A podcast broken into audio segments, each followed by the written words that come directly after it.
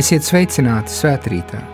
Studijā teoloģijas doktors Priesteris Andris Marija Jerumanis. Lasījums no Jēzus Kristus evaņģēlija, ko uzrakstījis Svētais Lukas. Tajā laikā Jēzus sacīja saviem mācekļiem: Bija kāds bagāts cilvēks, kam bija pārvaldnieks. Tas tika apsūdzēts viņa priekšā, ka tas izšķērdējot viņa mantu, un viņš to pasauca un tam sacīja: Kāpēc es to dzirdu par tevi? Dod norēķinu par savu pārvaldīšanu, ja tu vairs nevarēsi būt pārvaldnieks. Bet pārvaldnieks pats sevī sacīja: Ko lai es iesāku, jo mans kungs atņem no manis pārvaldīšanu? Rakt es nespēju, ubagot man ir kauns, Es zinu, ko darīšu, lai tad, kad būšu atcelts no pārvaldīšanas, ļaudis mani uzņemtu savās mājās. Un tā viņš pasaucis pa vienam sava kunga parādniekus, jautāja pirmajam: Cik tu esi manam kungam parādā? Tas atbildēja: Simts mucu eļļas. Un viņš tam sacīja: ņem savu parādzīmi un tūlīt apsēdies raksti 50. Tā citam viņš sacīja: bet tu cik esi parādā? Simts mēru kviešu. Viņš tam sacīja: ņem savu parādzīmi un raksti 80. Un kungs uzslavēja nekrietno pārvaldnieku, ka viņš bija gudri rīkojies, jo šīs pasaules bērni attiecībās ar sev līdzīgiem ir atjaudīgāki par gaismas bērniem. Arī es jums saku, iegūstiet sev draugus ar nekrietnu mamonu, lai tad, kad viss būs beidzies, jūs tiktu uzņemti mūžīgajās nometnēs. Kas ir uzticīgs vismazākajā, arī lielā lietā ir uzticīgs, un kas ir nekrietns mazā lietā, tas nekrietns ir arī lielajā. Tātad, ja jūs nekrietnās mamonas lietās bijat neusticīgi, kas tad jums uzticēs patiesos labumus? Un ja svešajā nebijat uzticīgi, kas tad jums dos jūsējo? Neviens kalps nevar diviem kungiem kalpot jo viņš vai nu vienu ienīdīs un otru mīlēs, vai vienam pieķersies un otru panicinās. Jūs nevarat kalpot dievam un mamonai. Tie ir svēto rakstu vārdi.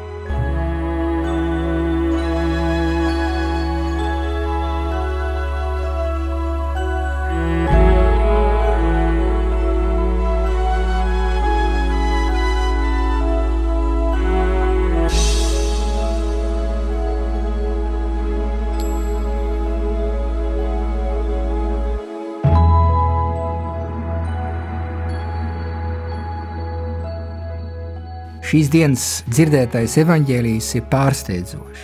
Jēzus runā par negodīgu naudu, par parāda došanu, brīdina mācekļus par naudas elgdevību. Bagātība un nabadzība ir tēmas īstenībā, kas skara mūsu ikdienu. Tieši tāpēc šīs evaņģēlijas ir tik svarīgs un var arī izraisīt mūsos sirdsapziņas izmeklēšanu un pārdomāt, kāda ir mūsu attiecība pret mantu, pret naudu. Naudu var negodīgi iegādāties. Naudu var izspiest no kāda cilvēka. Naudas dēļ varam arī negulēt. No vienas puses, ja tā pietrūkst, mēs krenķējamies, kā iztikt ikdienas dzīvē, kā pabarot ģimeni, kā samaksāt parādus. No otras puses, ja mums tāda ir, tad mums rūp to palielināt, pavairot vai baidamies to zaudēt. Nauda tā tad ir svarīga dzīves sastāvdaļa. Jēzus izmanto naudas tēmu, lai pamācītu savus mācekļus un brīdinātu viņus, un tad arī mūs, lai mēs naudas priekšā paturētu vēsu prātu, brīvu sirdi, neapsolutizējot to, kas ir tikai otršķirīgs, pat ja ir svarīgs ikdienas dzīvē. Lai labi saprastu šīs svētdienas evaņģēļu nozīmi, ir jāsaprot, ka Lukas bagātību un naudas tēmu bieži vien ir apskatījis un runājis par Kristu, ko viņš iesaka mums katram un katram kristietim. Un, piemēram, tas tika skarts eh, tieši tajās nodaļās, pirms 16. nodaļas, ko mēs lasījām. 14., 15. un 16. nodaļā Jēzus runā tieši par bagātību, un tieši šodien viņš runā saviem mācekļiem. Ja lasīsim arī nākošais svētdien turpinājumu, tad redzēsim, ka farizēji un tie, kas viņam seko, nevarēs tik viegli saprast, ko Kristus ir teicis, un uh, sāks pat viņu izsmiet. Tāpēc mēģināsim šodien saprast, kāda ir attiecība starp naudu un Jēzu, starp nabadzību un Jēzu. Vispirms mums ir jāsaka, ka Jēzus ir vienmēr bijis tuvu nabadzīgiem cilvēkiem, atstumtajiem. Viņš ir runājis par pēdējo tiesu, kurā tiksim novērtēti pēc mūsu izturēšanos pret nabadzīgiem cilvēkiem, pēc mūsu žēlsirdības pret viņiem. Jēzus pats ir sevi identificējis ar nabadzīgajiem, kā piemēram Mateja evaņģēlijā 25. nodaļā. Es biju izsalcis, un jūs mani pabarojat, es biju slāpis, un jūs man iedevat dzert, es biju kails, un jūs man apģērbat, es biju sveštautietis, un jūs mani pieņemat, es biju slims, un jūs mani apciemojat, es biju cietumā, un jūs atnācat pie manis. Šīs dienas lasījumā Jēzus runā par netaisnīgo naudu, netaisno mamona līdzekļiem, aicinot to padarīt taisnīgu. Tā to iztulko daudz eksigēti. Rūpējoties par trūcīgiem cilvēkiem, nauda kļūst šķīsta. Nauda kā tāda ir nešķīsta, tā padara cilvēku nešķīstu. Ir tikai divas iespējas - vai iekrist mankārībā, vai to padarīt šķīstu ar žēlsirdīgu rīcību. Īstenībā Jēzus mūs aicina uz iekšējo brīvību, nekļūstot mantas vergi, bet izmantojot mantu citu cilvēku labā, piekopjot žēlsirdību pret trūcīgajiem. Īstenībā bagātība, manta, nauda apdraud cilvēka garīgo brīvību, dvēseli, un mēs riskējam aizmirst mūžīgo dzīvi. Materiālās vērtības lai cik tās būtu svarīgas un nepieciešamas, lai mēs cilvēciski dzīvotu virs šīs zemes, tās nekad nedrīkstētu noslāpēt mūsu iekšējo dzīvi un vērtību prioritātes. Bagātība aptumšo prātu, savaldzina sirdi, atņem spēku cīnīties par citām svarīgām vērtībām. Tā atņem prieku, jo materiālās vērtības nevar nomierināt mūsu visdziļākās ilgas, mūsu slāpes pēc patiesības. Mēs, protams, nevaram noliegt, ka materiālās vērtības ir svarīgas. Ja tās pietrūks, mēs ciešam. Pietiek paskatīties uz dažām situācijām Latvijā, kas nemaz nav retums, ka cilvēki tieši materiālu trūkuma dēļ eh, ienāk arī garīgās grūtībās. Bet Jēzus mūs aicina uz pareizu iekšēju stāju, uz dzīves stilu, kas ir piemērots ticīgiem cilvēkiem. Ir bagāti, kuri ir brīvi naudas priekšā, un ir nabagi, kuriem eh, galvenais ir iegūt mantu. Kungs māca arī, kā mums ir jāizturās ar iegādāto naudu. Ir jābūt godīgiem. Ja mēs esam neusticami naudas lietās, kā varēsim būt uzticami garīgā līmenī, citās mūsu dzīves jomās. Pat ja mazliet zogam un iebāžam kabatā, kas pienākās citam, kādam otram, mūsu tuvākajam, mēs būsim negodīgi, tad arī citās sfērās. Neusticība iesākās ar mazām lietām, un beidzot pierodam, un mūsu sirdsapziņa samierinās ar smagākajiem pārkāpumiem, tik tālu, ka kļūstam korumpēti, ka sapūstam, jo negodīgums ir pārņēmis visas mūsu attiecības, ģimenes dzīvē, garīgā dzīvē, attiecībā ar, ar Dievu, ar valsti, ar pārējo sabiedrību. Ir vērts par to pārdomāt. Pāvests Francisks bieži vien atgriežas pie šīs tēmas un aicina mūs būt uzticīgiem mazās lietās un izvēlēties tādu dzīves stilu, kurā mēs nezaudējam savu iekšējo brīvību. Vēsturē ir bijuši pravieši un svēti cilvēki, kas ir mums atgādinājuši un atgādinājuši visai baznīcai un Izraēļu tautai, kā mums ir jāizmanto mantu, naudu, materiālās vērtības. Piemēram, pravietis Amos vecajā derībā atgādina, ka mēs nevaram godināt Dievu ar skaistām liturģijām, nenodarbojoties ar eh, trūcīgajiem un nabadzīgiem cilvēkiem. Piemēram, arī Svētais Francisks kas atgādināja baznīcai, ka tā ir jākļūst nabadzīgai, lai varētu patiešām būt caurspīdīga, lai Kristus tēls varētu tikt atpazīts baznīcā. Domāsim arī par Svēto māti Terēzi no Kalkutas, kas parādīja, ka mums jābūt tuviem katram cilvēkam, kas īpaši cieš, kas ir atstumts, kāda viņam var būt reliģija, pie kādas rases viņš var piederēt. Apstāsimies pie Svētā Franciska. Svētais Francisks viduslaikos atgādinās baznīcai un visiem ticīgajiem, ka īstā bagātība ir tikai Dievs. Atgriežoties no kara, mājās, pie savas bagātās ģimenes, viņš sāk izjust tukšumu un sāk saprast, ka mankārība nomāc tēvu un visu ģimeni un apdraud arī baznīcas dzīvi. Viņš izvēlās visu pamest, lai liecinātu par pareizo attieksmi pret materiālām vērtībām un kļūst par nabadzības pravieti. Kad cilvēks atbrīvojas no mankārības, viņš atverās uz otru cilvēku un spēja piekopt tuvāk mīlestību. Un īstenot, ko Jēzus ir mācījis, pasvītrojot ar labo samariešu līdzību, ka tuvākais ir katrs cilvēks, kuram ir vajadzīga palīdzība.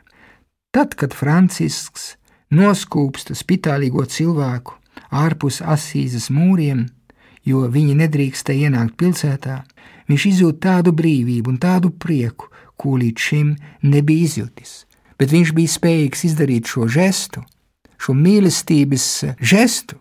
Tas bija iespējams tikai tāpēc, ka viņš bija atbrīvojies no tā, kas viņu nospieda, kas viņu nepadarīja brīvu. Arī šodien mēs varam mācīties no tā, Kāpēc esam tik nejūtīgi, ka mums trūkst empātija? Mēs neesam līdzjūtīgi, esam cietsirdīgi pret tik daudziem cilvēkiem, kuri aicina, lai mēs palīdzētu. Mēs vienkārši izliekamies, it kā mēs viņus nedzirdētu.